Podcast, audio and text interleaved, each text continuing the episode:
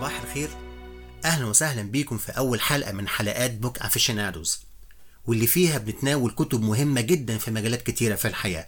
بنشرحها وبنلخصها وبنعلق عليها بهدف إننا نكتسب معلومات ومهارات جديدة في الحياة وننمي ثقافتنا ونوسع مداركنا بأفكار جديدة نكتسب منها خبرات وتجارب تساعدنا في حياتنا ونحقق بيها أهدافنا بإذن الله. أول كتاب معانا هو كتاب العقلية كيف تغير طريقة التفكير لتحقق أقصى إمكاناتك؟ وبالإنجليزي Mindset Changing the way you think to fulfill your potential. للكاتبة وعالمة النفس الأمريكية كارول دويك. مين هي كارول دويك؟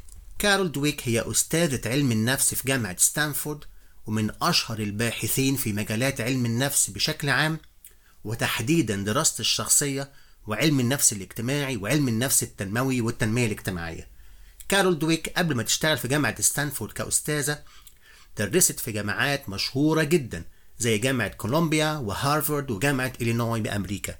كارول ليها مؤلفات بتركز على سمات الشخصية وتطورها والتحفيز وسيكولوجية النجاح. وأكتر حاجة مشهورة بيها هي عملها على السمات العقلية السيكولوجية mindset وده اللي هيكون كلامنا في الحلقات الجاية وتحديدا كتابها اللي قلنا اسمه من شوية.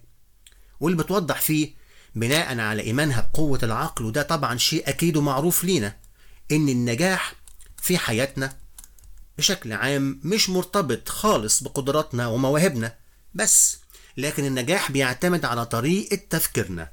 بمعنى آخر هل إحنا بنفكر وبنحدد أهدافنا وبنحاول نحققها بعقلية ثابتة؟ ولا عقلية متطورة. وبالتالي الكتاب بيجاوب على سؤال مهم جدا. ليه البعض مننا بيتعب جدا وبيكافح في حياته علشان يحقق أهدافه وبينجح وفي ناس تانية مستسلمة تماما وما بتنجحش في حياتها؟ نرجع تاني لكارول. كارول أخدت جوائز كتير جدا من ضمنها جائزة المساهمة العلمية المتميزة من جمعية علم النفس الأمريكية سنة 2011 وفي سنة 2017 أخدت جائزة تانية من مؤسسة ييدن في هونج كونج منحتها جائزة ييدن لأبحاث التعليم.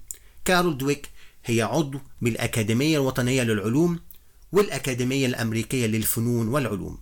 دي فكرة عامة سريعة جدا عن الكاتبة والكتاب والحلقة الجاية هتكون مقدمة عن فكرة الكتاب بشكل أكبر وأوضح وأوسع. شكرا ليكم.